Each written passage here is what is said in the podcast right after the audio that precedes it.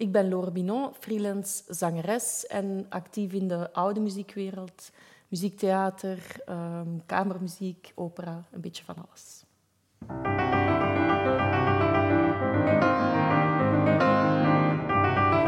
Podcast Freelancer.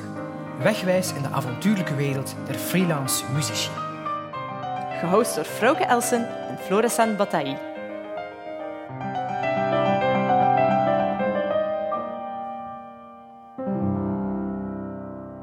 Hallo, welkom bij podcast Freelancer. Vandaag hebben we Lore Binon te gast. Zij is sopraan en een beetje actief in de volledige vocale wereld. Um, dag Lore, dank u wel om eh, bij ons te zijn. Welkom in Brugge. Dank u. Um, ik zal maar meteen um, met de meest prangende vraag die mij opkomt uh, beginnen. Uh, toen ik aan het conservatorium studeerde, vertelde ze mij een liedcarrière kun je eigenlijk pas beginnen als je al een opera-carrière hebt. Um, ook in de oude muziekwereld is een heel ander vakje dan um, romantisch repertoire en zo. Ik denk dat er heel veel zangers zijn die een brede interesse hebben en die alles willen doen, maar niemand bijna um, slaagt daarin. Maar jij op een of andere manier wel. Dat lijkt eruit, vind ik, dat dat bij jou een beetje vanzelf gaat. Is dat zo? Of moet dat toch hard knokken zijn? Um, ja, die hokjes zijn er inderdaad wel. En het is waar dat veel mensen, of dat er toch nog een beetje dat idee heerst, als je als zanger niet in de opera staat, dan ja, ben je eigenlijk geen echte zanger. Ja. Uh, dat is zeker iets in de eerste jaren van mijn carrière waarin ik nog geen opera deed of amper opera deed.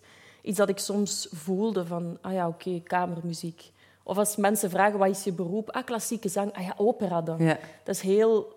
Dat is de normale associatie die mm -hmm. mensen maken. Um, en ik denk dat dat een beetje aan het veranderen is in de goede richting. In die zin, vroeger was oude muziek vaak van ah, oké, mensen die een te kleine stem hebben en die eigenlijk niet veel volume hebben, ja, die, die zullen we dan maar gewoon oude muziek laten doen.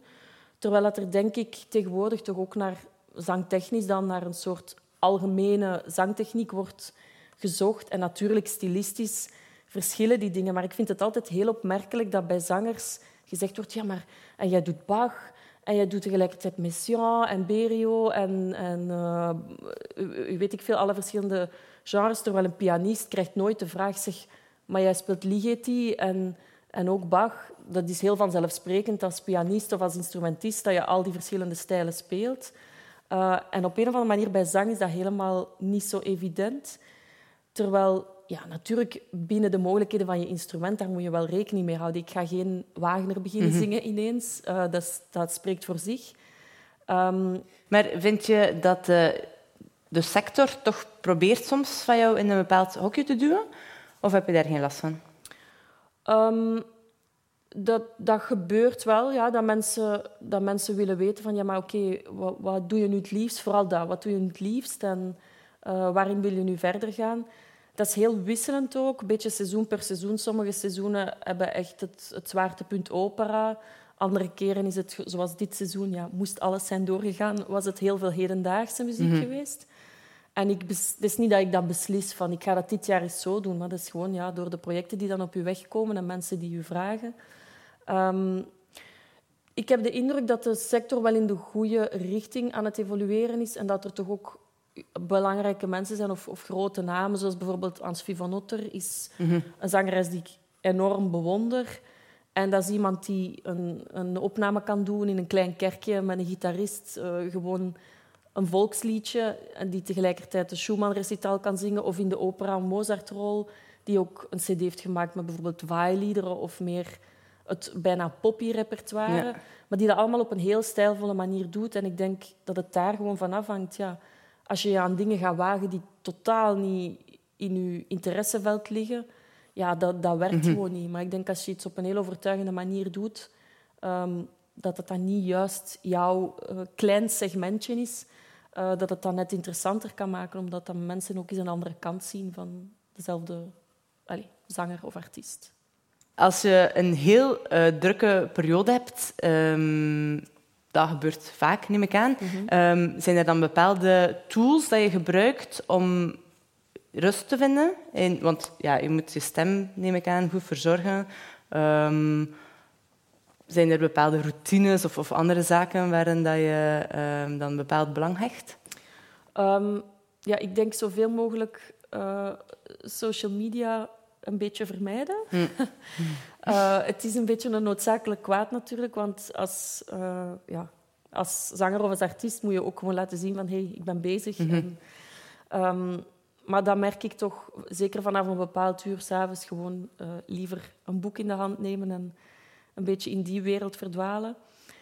Ja, ik denk zoveel mogelijk geconcentreerd blijven op je eigen traject of hetgeen waar je mee bezig bent en je zo weinig mogelijk laten afleiden door wat er rondom je gebeurt. Ik denk hoe trouwer dat je blijft aan je eigen principes die je wilt hanteren, hoe sterker dat, dat voor een publiek ook overkomt. Ik denk als je te veel bezig bent met oh, zo, zo moet ik eruit zien of dat ja. verwachten ze van mij of ik ben een jonge vrouw en ik moet laten zien... Uh, ja, want dat zijn zeker dingen die vanuit uit managementvlak of zo ook soms naar boven komen. Als je dan jong bent of even goed als kamermuziekensemble, jullie moeten dat uitspelen.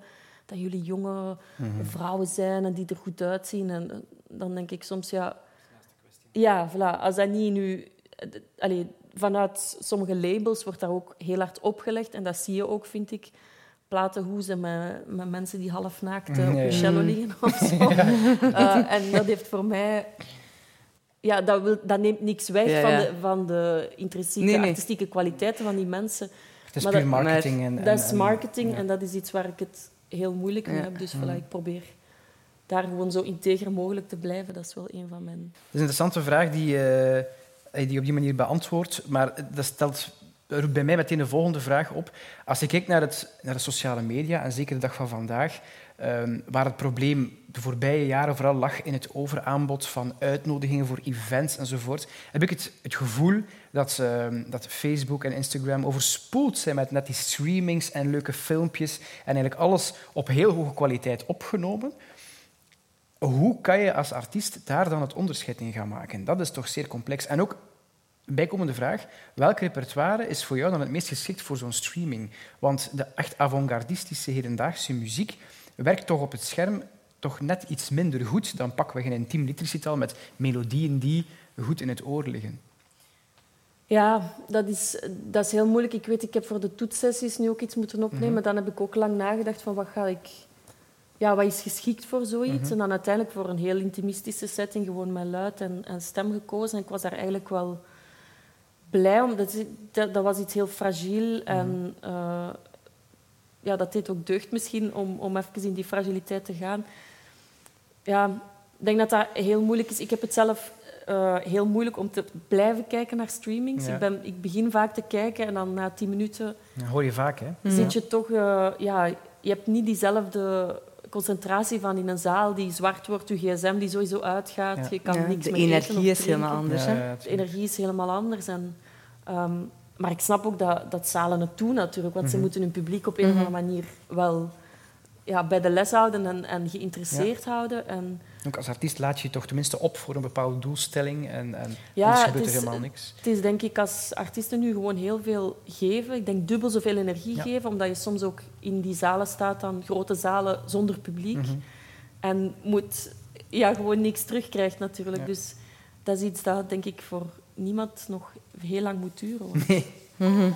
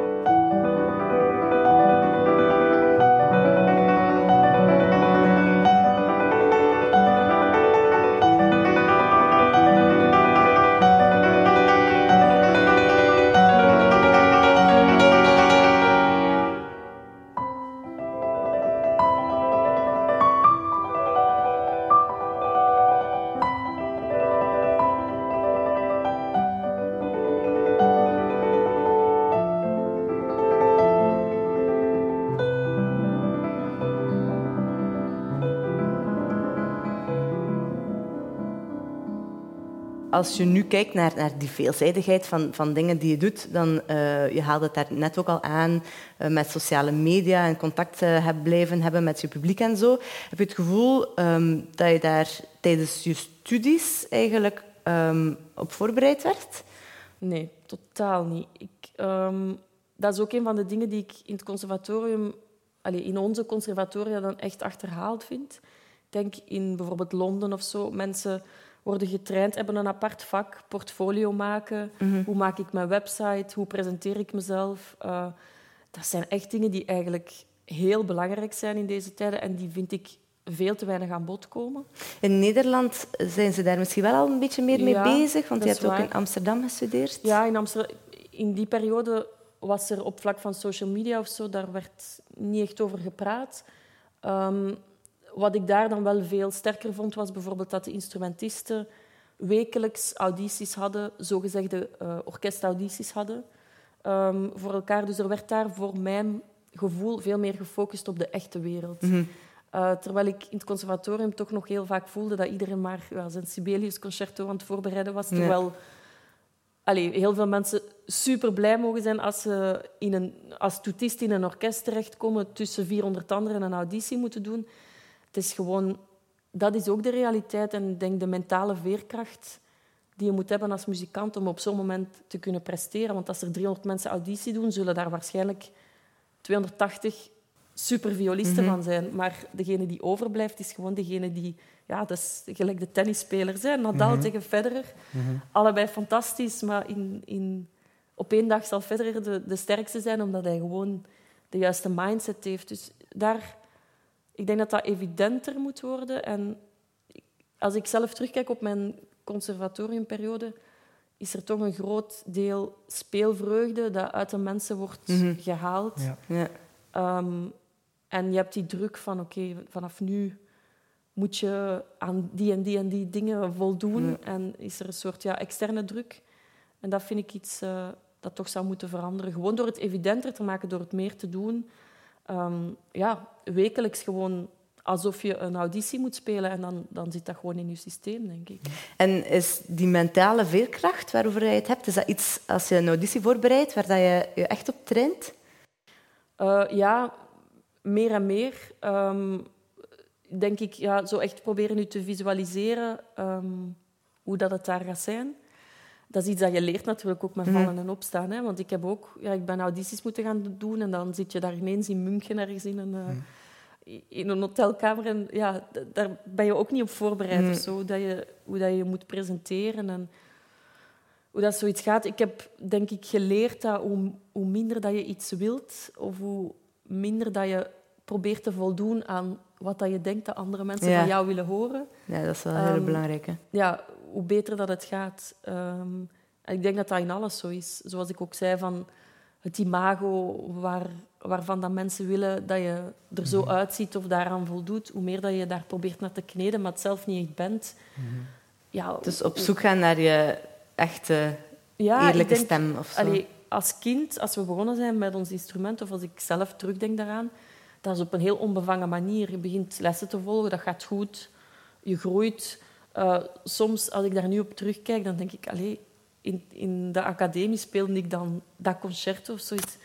Terwijl nu zou ik denken van, oh, -hmm. uh, je doet dat gewoon allemaal als kind. Je denkt daar niet over na. Er is een soort onbevangenheid. En dat is een van de dingen die ik echt probeer terug te, actief probeer terug te zoeken. Ook op momenten dat je misschien veel externe druk ervaart. Of denkt van, oeh, ik sta in die zaal en voor die of voor die dirigent.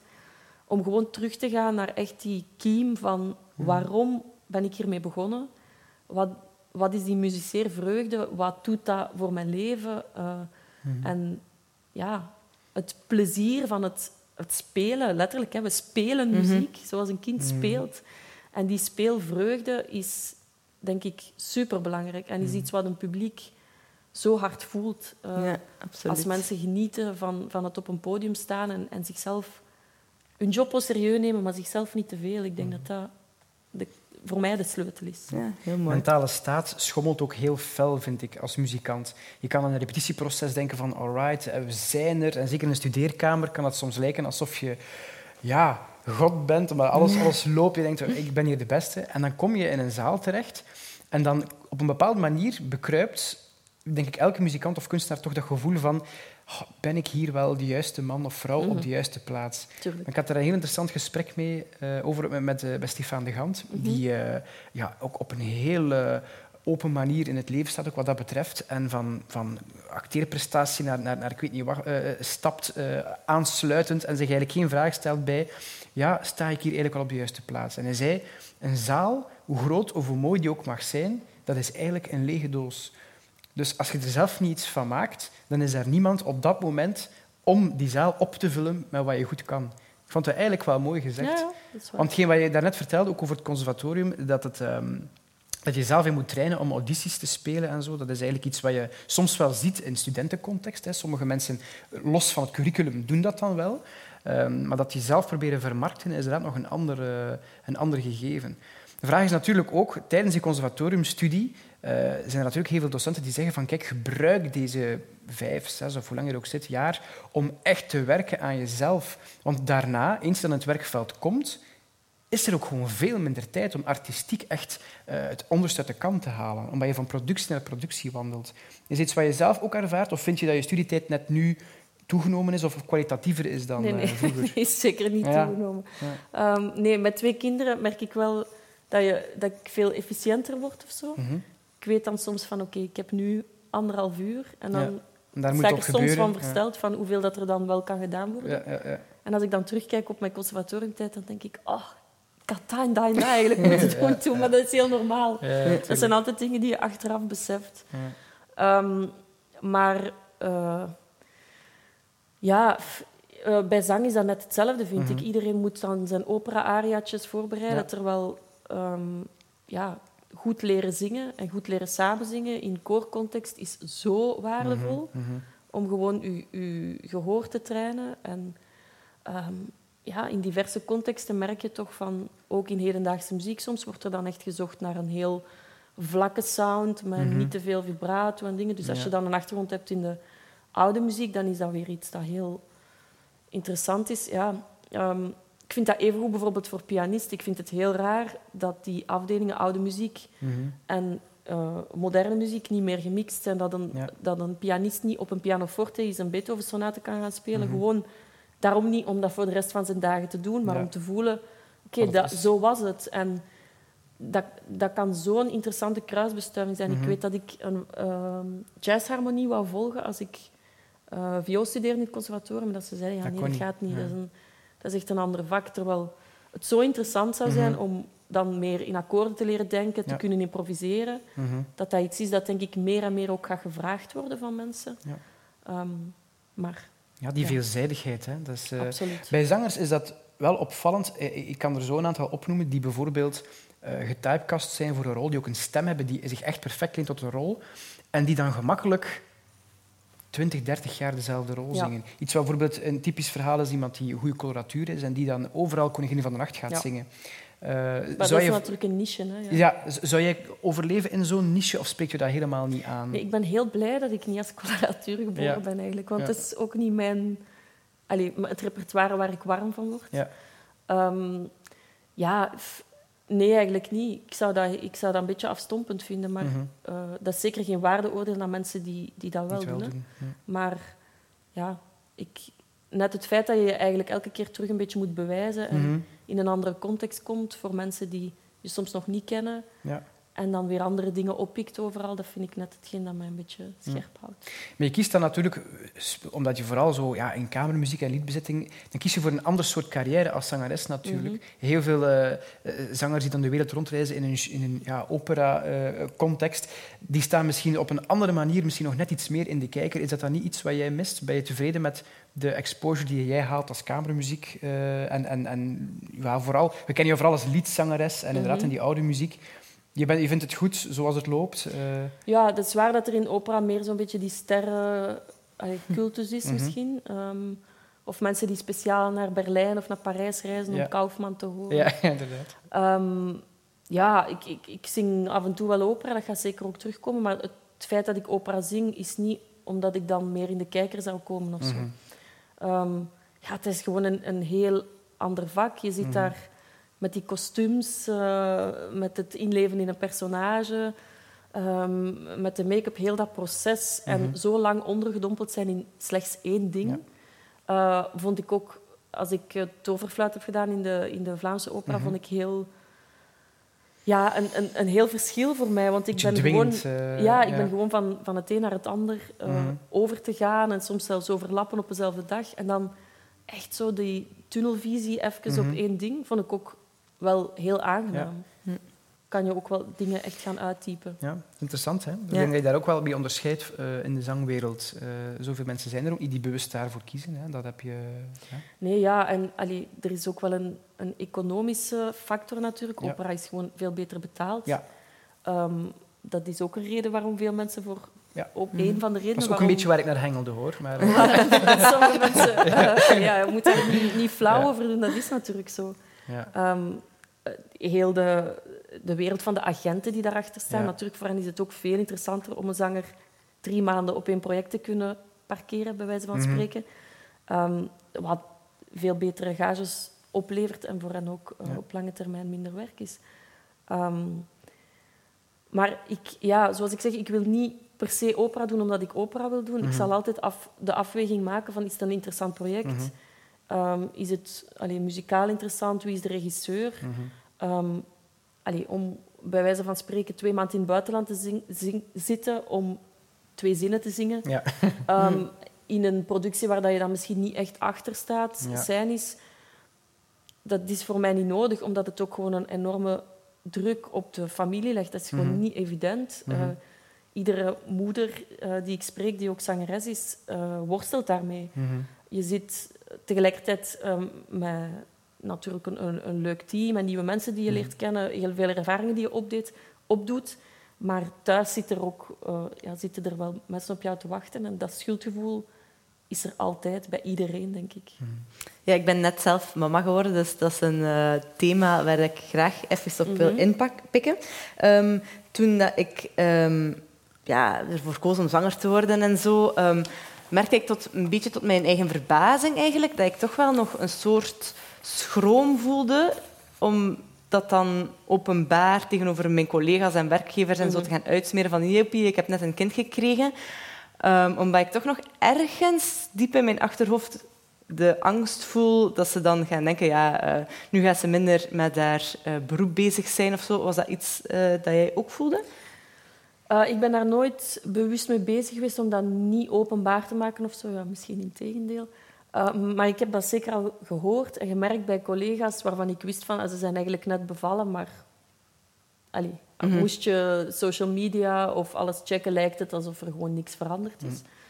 En dat is zeker iets dat speelt, dat ik ook al heb gehoord achteraf van, ah ja, oké, maar ja, ze is nu zwanger, dus ja, we zullen ze maar niet uitnodigen op die auditie of die... Ja, daar is inderdaad blijkbaar toch nog een beetje Er is toch werk, eh. Eigenlijk heel En- erg hè, dat dat voor de vrouw nog steeds zo Ja, ik weet speelt. eh, niet in, in hoeverre dat, dat ook nog altijd de realiteit is of dat dat gewoon in mijn hoofd zit, hoor. Dat, maar Ik denk dat dat, dat, ik denk hoort dat, dat, dat toch wel nog nog altijd. meespeelt bij mensen. Ja. Ehm, ja, terwijl het dan natuurlijk ook... Ja, dat is, dat is, dat is Mm. echt eh, ehm, inderdaad stom, vind ik. Want ik heb mijn eerste concert opnieuw gespeeld vijf dagen, eh, vijf weken. niet vijf dagen. Vijf uur. Dat zou niet zijn. Maar vijf weken nadat mijn zoontje geboren was, ik, ik was meteen weer in topvorm. Dat is natuurlijk van de ene bevalling tot de andere zal dat niet hetzelfde zijn.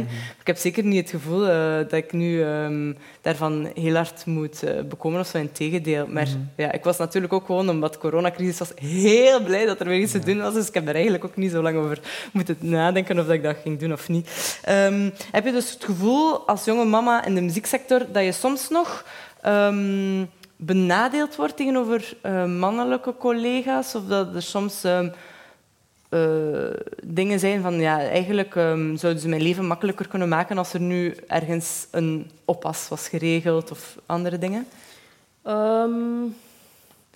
Ja, natuurlijk de keuze... Allee, als ze een sopraansoliste vragen, is er ook niet echt de keuze om het dan met een man te doen. Dus ze moeten dan wel een vrouw vragen. Ehm, ja, ik heb zelf wel in het begin mijn dochter veel moeten meenemen. En mijn tweede dochter, omdat zij eh, alleen maar de borst van de mama wou en geen flesjes. Ehm, en dat is altijd wel gefaciliteerd geweest. Ik heb altijd wel oplossingen gevonden Dat met ging vlot. Lokale babysit, dat ging eigenlijk wel vlot.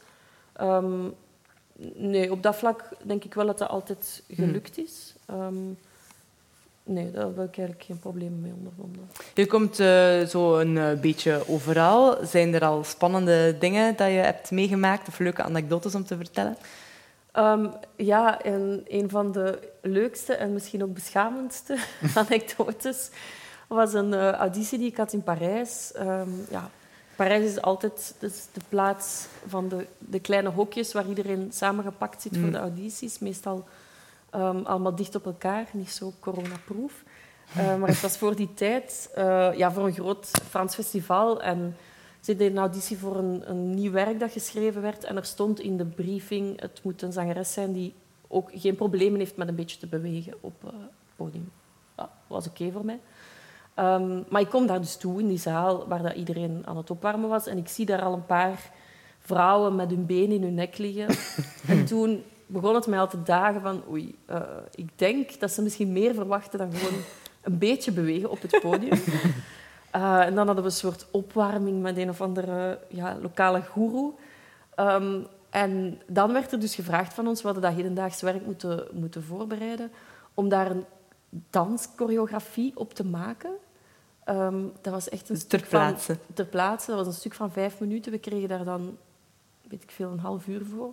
Oké. En ik heb me nog nooit zo, zo zelfbewust gevoeld. Want daar zat echt zo ja, tien mannen in kostuum van ja, dus dat, dat groot festival en een kamer. En die Maar ze kasten allemaal... wel vrouwen. Wat zeg je? Ze, de, ze kasten wel Ze kasten vrouwen. vrouwen, ja. En dus ineens moest ik daar een, een soort ja, Rozas doen. eh, choreografie gaan bedenken. En ik had net in een productie van drumming gezeten ook. En ik herinnerde mij zo'n paar van die moves. ik heb het dan maar proberen nadoen, maar dat was natuurlijk... Ah, en ik herinner me, er, was, ja, er waren eigenlijk allemaal vooral dansers die een beetje konden zingen. Ja, en er was ja, ja. nog iemand in mijn geval, dus gewoon een zangeres, die dacht van ik ga een beetje moeten kunnen bewegen. En na die auditie zijn we allebei de deur uitgestapt, hebben de slappe lach gekregen. en zijn we een goed glas wijn gaan drinken. Ja, dat was wel een van de grappigste audities van mijn leven, denk ik. Dat ga ik niet gauw vergeten. Flores dan heeft een paar Ja, dilemma's Misschien dat jou. om een paar dilemma's voor te leggen. Het beste is dat je zo snel mogelijk antwoordt zonder veel na te denken. Maar je mag, je kan, daarna, als je dat wil, mag je het wel toelichten. Oké, Franse of Duitse liedkunst? Franse. Intiem recital met piano of zingen met symfonisch orkest? Intiem recital. Maria Callas of Jessie Norman? Maria Callas. Een meesterwerk of een onbekende parel? Onbekende paarden. Dan een vraag waar ik het antwoord op wel gaat weten. Elke dag op tour met een grote productie of drie concerten per maand met je eigen ding? Drie concerten per maand. Zelfstudie of masterclass? Hmm. Nu zou ik zeggen masterclass, want ik doe een beetje te veel zelfstudie. Ja, ja. Maar die- antwoorden kwamen heel, eh, heel resoluut. Ehm, interessant. eh, waarom kies je Maria Callas eh, boven Jessie Norman? Is dat een stemkleur die jou meer... Ja, ik, ik weet niet, die, die, die doet echt iets met mij. Dat, ik Ja. vind dat zo... Ja, ze heeft dan ook van alles meegemaakt, Ja. maar dat is ook een stem op zich. Als je die stemkleur op zich hoort, is niet dat je zegt van oh, wat een prachtige fluwele stem. Er zit ook Mhm, iets iets heel rauw in, hè? rauw en doorleefd in. Maar ik, als zij Casta, Castadiva bijvoorbeeld, ik kan, dat dat is... Ja. Dat is zo juist. Ehm, Mhm. En eh, ja, ik vind, ik Dat vind is een interessante, ontroerend. een, een- ik vind dat een, zelf een interessante vraag, omdat het, ik kan het toespitsen op, eh, op jou als zangeres dan. Ehm, van een pianist of van een, van een strijker kan je ook wel horen wie het is in heel specifieke gevallen, maar bij zangers is het vaak vanaf noot 1 ah. En wat maakt Laure Binon Laure Binon als je je eigen eh, stemkleur zou moeten omschrijven? Of waar probeer jij jezelf in, in, qua stemgebruik te onderscheiden? Of, eh, Mm, ja, ik denk zo veel mogelijk eh, weggaan van het monochrome en proberen het kleurenpalet van je stem echt uit te breiden. Ehm, in woordexpressie ook zoeken naar de bijpassende, mhm.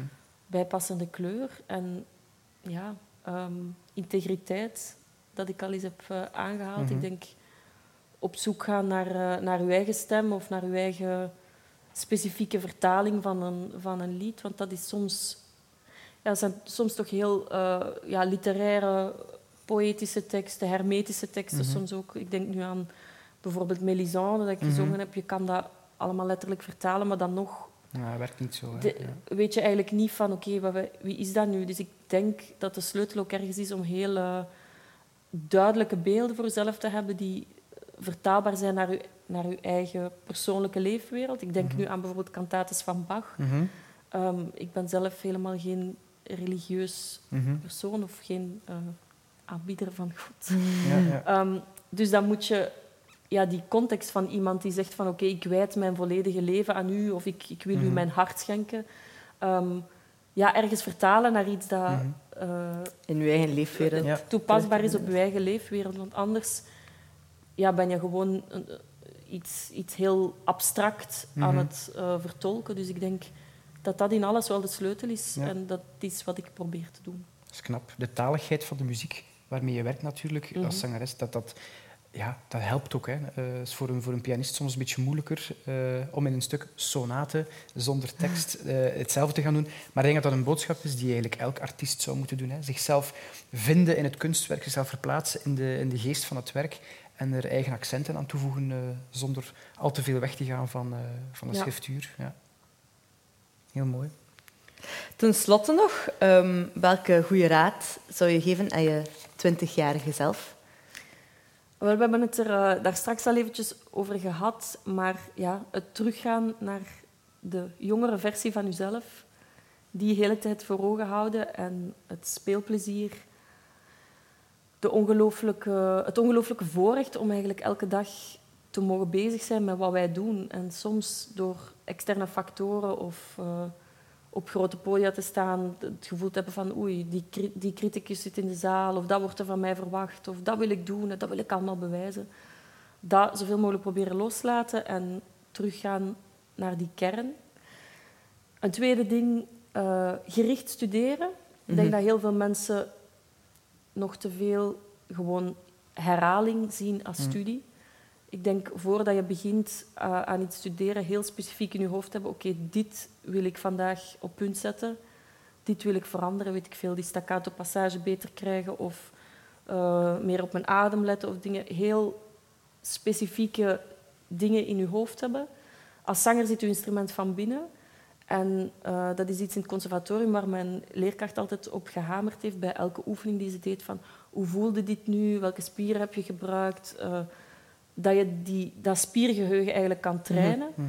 Dat je ook in staat bent om op mindere dagen, als je eens drie uur geslapen hebt in plaats van de normale negen uur dat je slaapt, Mhm. om die, ja, die veerkracht te hebben en om te weten van oké, ik moet eigenlijk gewoon fysiek dit doen Ja. en het komt in orde. Ehm, en om dan niet te beginnen vechten met je lichaam. Ik denk dat dat iets heel belangrijk is. Om, want 90% van de tijd zijn we eigenlijk niet in onze perfecte manier van doen. Je bent misschien aan het reizen van hier naar daar, moe, jetlag. Ehm, weet ik veel, emotioneel met andere dingen bezig. En die knop kunnen omdraaien, dat is iets heel belangrijk. Ehm, ja, ehm, en werken, hè. Veel werken, want eens dat je ouder wordt, dan denk je, maar ik had eigenlijk zeer van tijd in het conservatorium. Ehm, ja, en genoeg op café gaan. Ja, Ja. dat mag er ook Het wel eens leven. tussen Ja. zitten. Mooie afsluiters. Oké, heel erg bedankt, Laure Binon. Graag gedaan. En u ook bedankt om te kijken en te luisteren. En tot de volgende keer. Dit was Podcast Freelancer. We zijn Frauke Elsen en Florissant Bataille en Til Wellens achter de knoppen. We horen heel graag wat je ervan vond. Laat dus zeker een berichtje achter op onze Facebook- of Instagram-pagina. Of stuur een mailtje naar podcastfreelancer.gmail.com. Onze enorme dank gaat uit naar het Concertgebouw Brugge en de Vlaamse overheid. Ben je enthousiast en kijk je al uit naar een tweede seizoen? Maak dan een donatie via triotiek.be-podcastfreelancer.